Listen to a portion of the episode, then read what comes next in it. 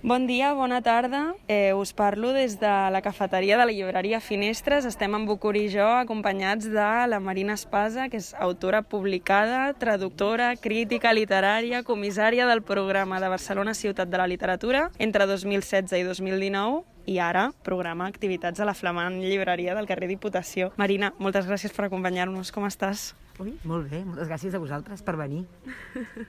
Comencem una mica aquesta entrevista de, després d'aquest tan llarguíssim currículum, mm, com arriba el projecte de Finestres?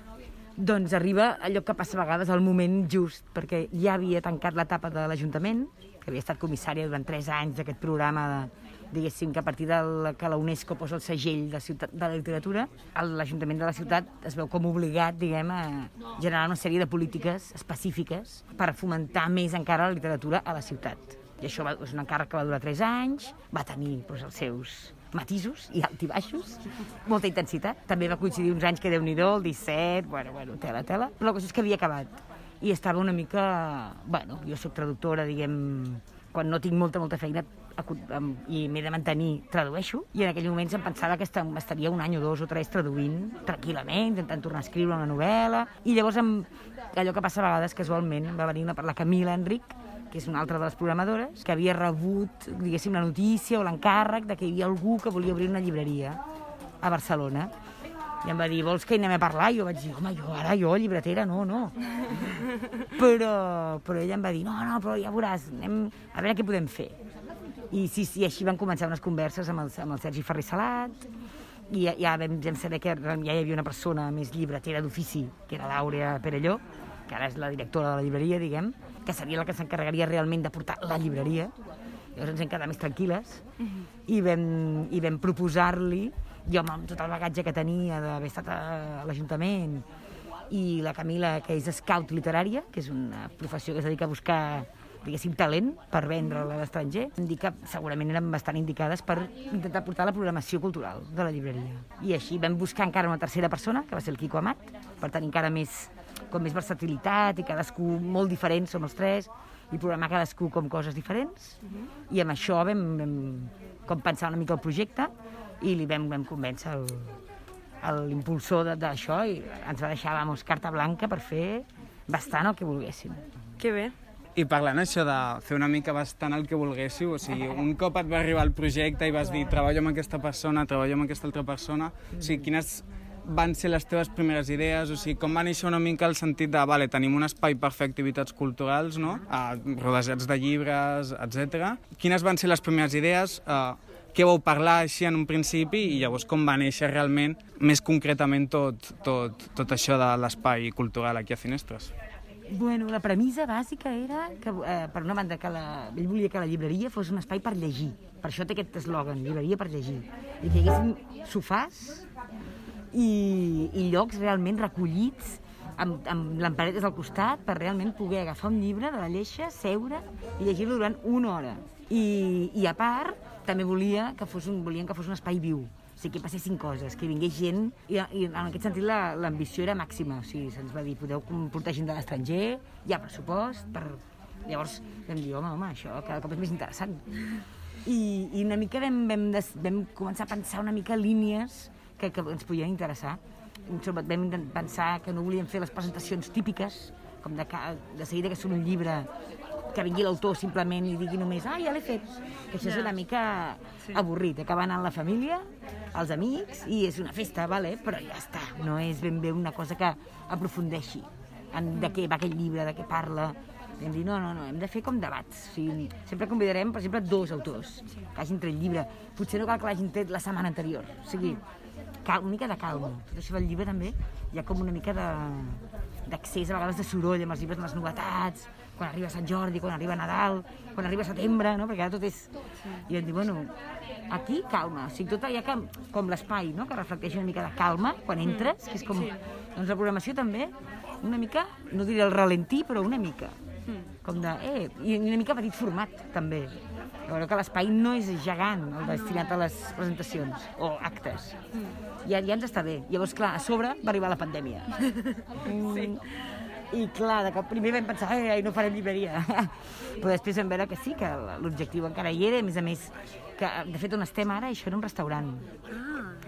Que era també del mateix, eh, del mateix amo, eh? I, I va ser aquell que va decidir tancar-lo i convertir-lo en llibreria, perquè la idea original era un altre local però al final ho va canviar i va decidir fer-ho aquí.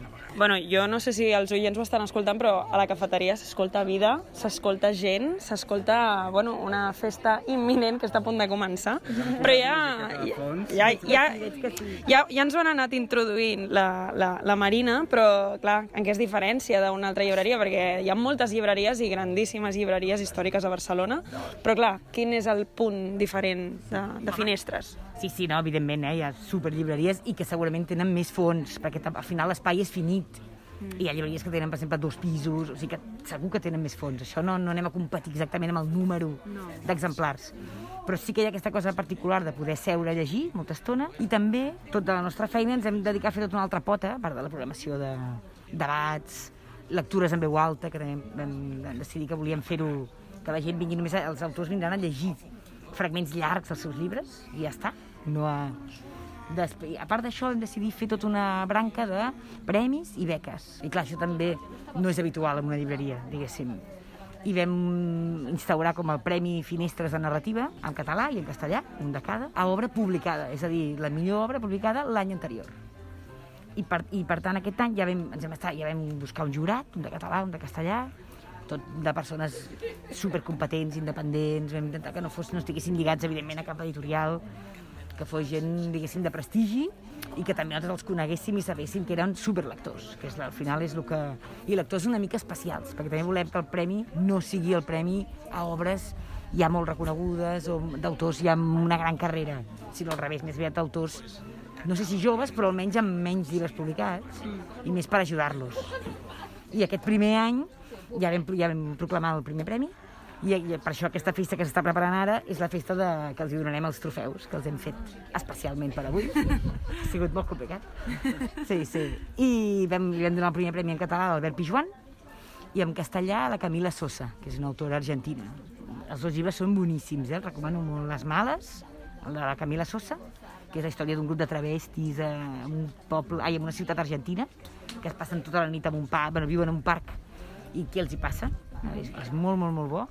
I el de l'Albert Pijuan es diu Tsunami, i molt vagament sí que surt una mica el tsunami que va haver-hi a, a, diguéssim, no sé quin any era, 2005-2006, sí. ara no me'n recordo, però no és el tema principal, però bueno, és la història d'una família d'hotelers catalans que s'expandeixen pel món, però que eh, alguna cosa passa i és una mica més la decadència de la família, més, més que no pas l'expansió. I és molt, molt divertit. Uh, I potser ara, uh, anant cap a, cap a una mica una altra línia, perquè, com hem dit, ja d'entrada em sembles una figura super, super, super interessant i com ja ha fet una molt bona llista la Maria, has estat a, a, a tot arreu i és una llista que desperta molt la curiositat i més a nosaltres, que som gent que, que estem sortint una mica al, al món cultural, no? I quan comences, diguem, tu t'esperes arribar on arribes a fer totes les coses que, fe, que fas o tens una visió de futur o vas una mica adaptant-te, agafant una mica el que trobes, et proposen això, fas això... Tens una visió de acabi on acabi acabaré fent les coses d'aquesta manera o, o et vas adaptant? Ui, totalment improvisat, o sigui, wow, totalment. De tot això que hem dit abans també s'ha deixat una cosa que fa molts anys potser no, que era que treballar, vaig treballar a la tele també, a BTV, i sobretot 6 anys i després al, TV, al Canal 33 4 anys en un programa de llibres i una mica això és com l'origen de tot jo crec perquè havia fet filologia normal i corrent, hauria, el meu destí era ser profe, segurament de, de francès o de català, segurament hauria sigut un d'aquests dos, però em vaig creuar, vaig, vaig, estudi, vaig acabar la carrera i no, tenia, no volia ser profe, eh, m'avorria la perspectiva, i vaig fer un màster de guió, que es feia llavors a l'Autònoma, que ja no existeix, em sembla i llavors vaig començar a intentar ser guionista.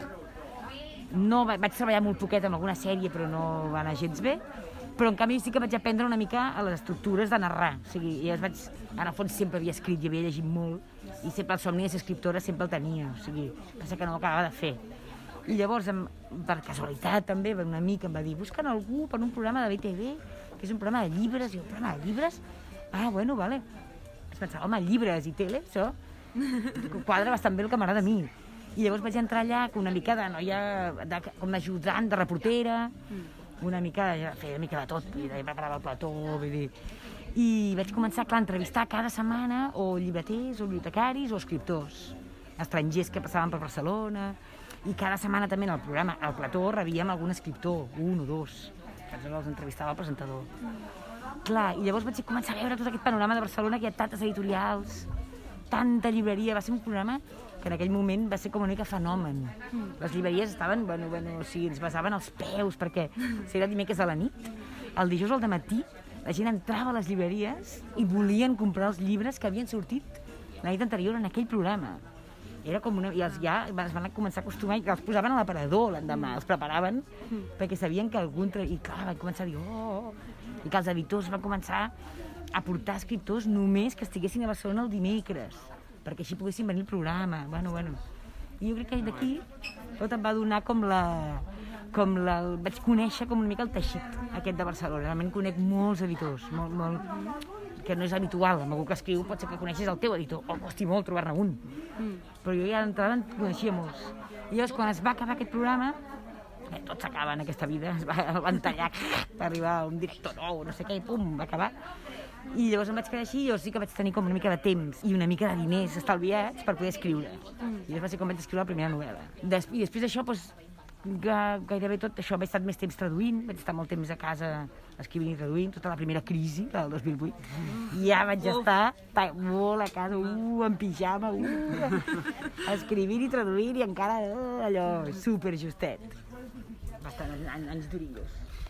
Eh, doncs, eh, recordem que la Marina té dos llibres publicats. Sí. Té La dona que es va perdre, publicat Exacte. per Empúries, i El dia del cèrvol, mm. de l'altra editorial. Exacte. Entrant en aquest tema que ja introduïes del tema de les editorials, de les llibreries, d'aquest poder literari que té Barcelona, la Setmana del Llibre en català, Sant Jordi, el que dèiem. Clar, què en penses de... Perquè aquest any, realment, malgrat la pandèmia, s'ha obert llibreries, s'han fundat editorials molt potents, editorials independents en català, el llibre en català està bueno, eh, hi ha articles que deien que els lectors que compraven en castellà doncs, han comprat més en català per primera vegada en anys.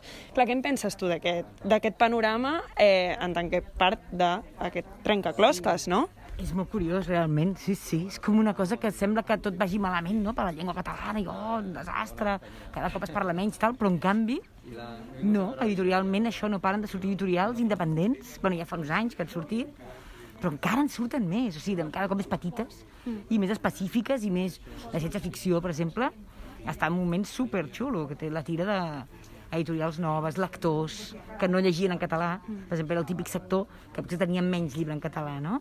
I feia falta. I pum, ha sortit una editorial que es diu Mai Més i ho estan fent superbé i cada cop guanyen més lectors diguem, joves i que no estaven acostumats a llegir en català.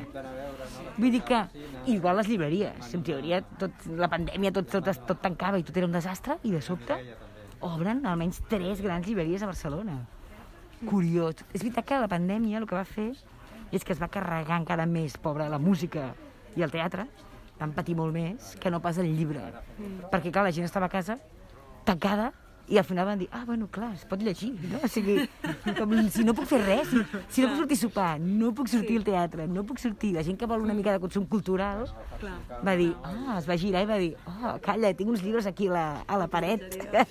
em sembla que això es feia així, no? I t'estaves dues hores en silenci llegint. Ah, i vulguis que no, es veu que ha venut una mica més i o sigui, és el sector que, no, que li ha anat menys malament.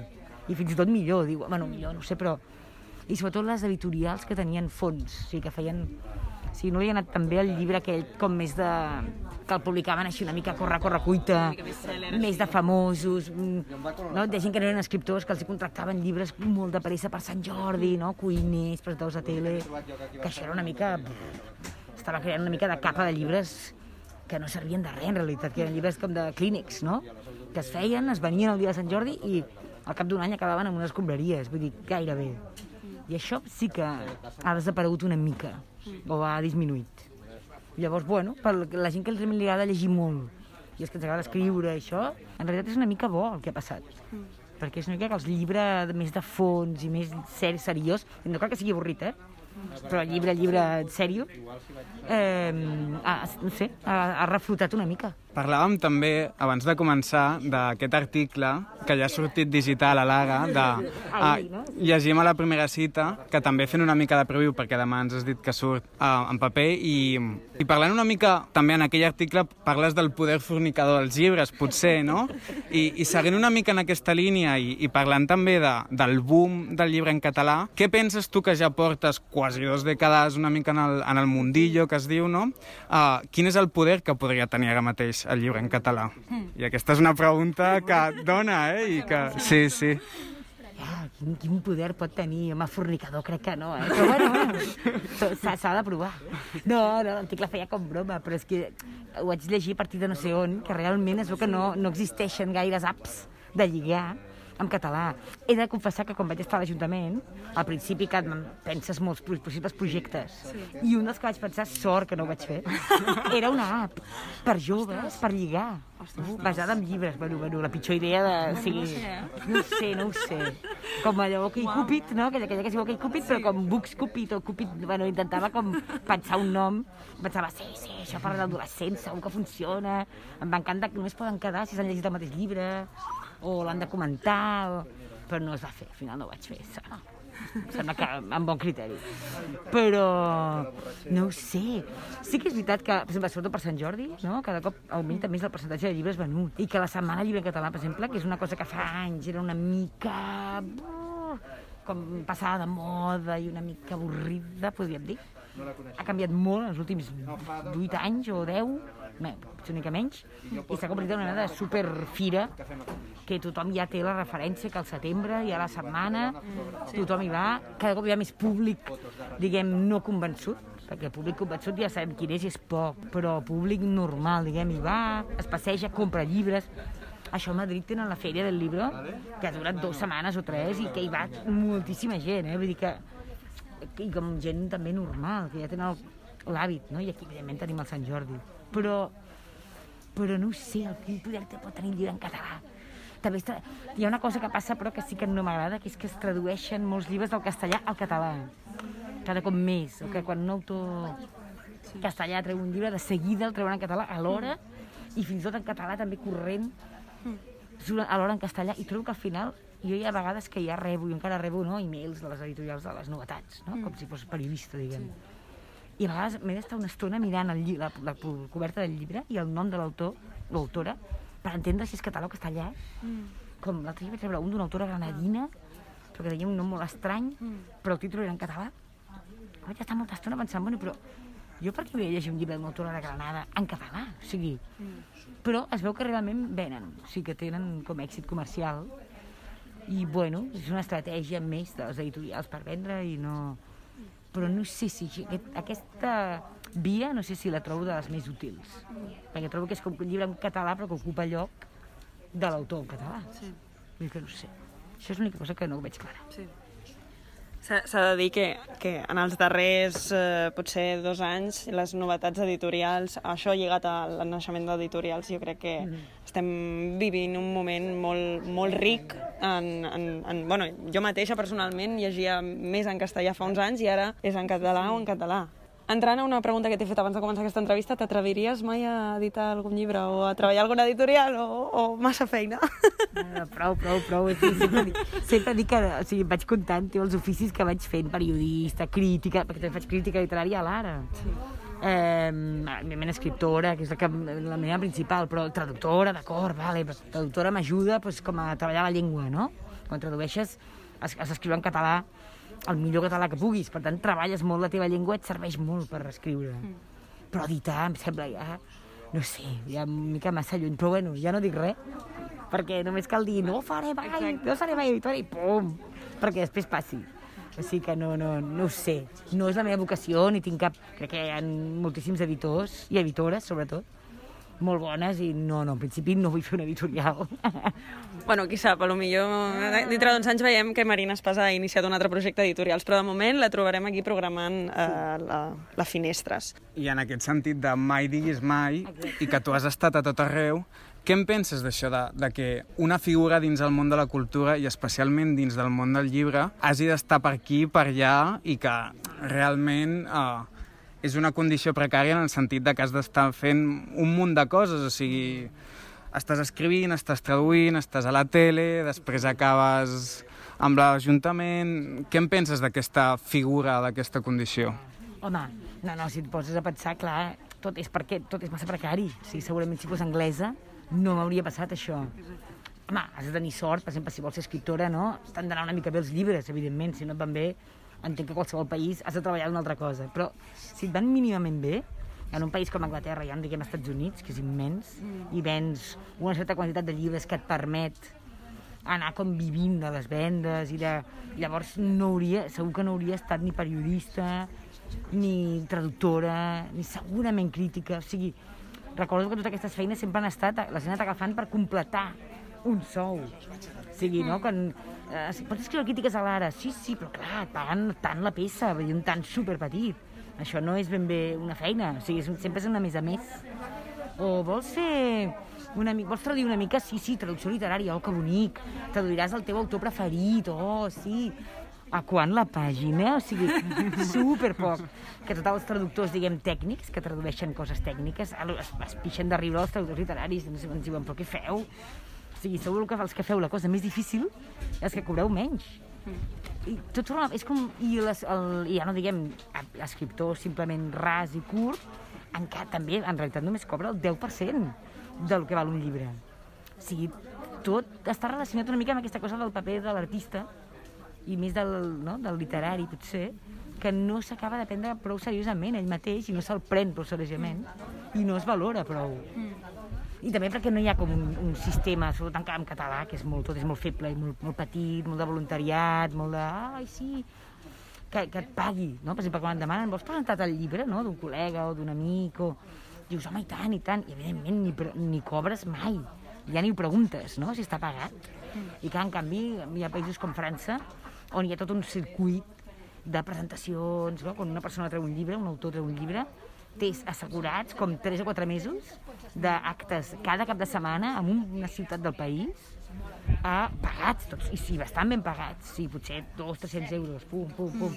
Clar, tu vas sumant això i dius, home, això sí que ja comença a ser un sou. Clar, i això aquí no existeix, de res. Vull dir que sí, sí, clar, tots, tots els amics que tinc escriptors o escriptores, tots treballen de 3-4 feines.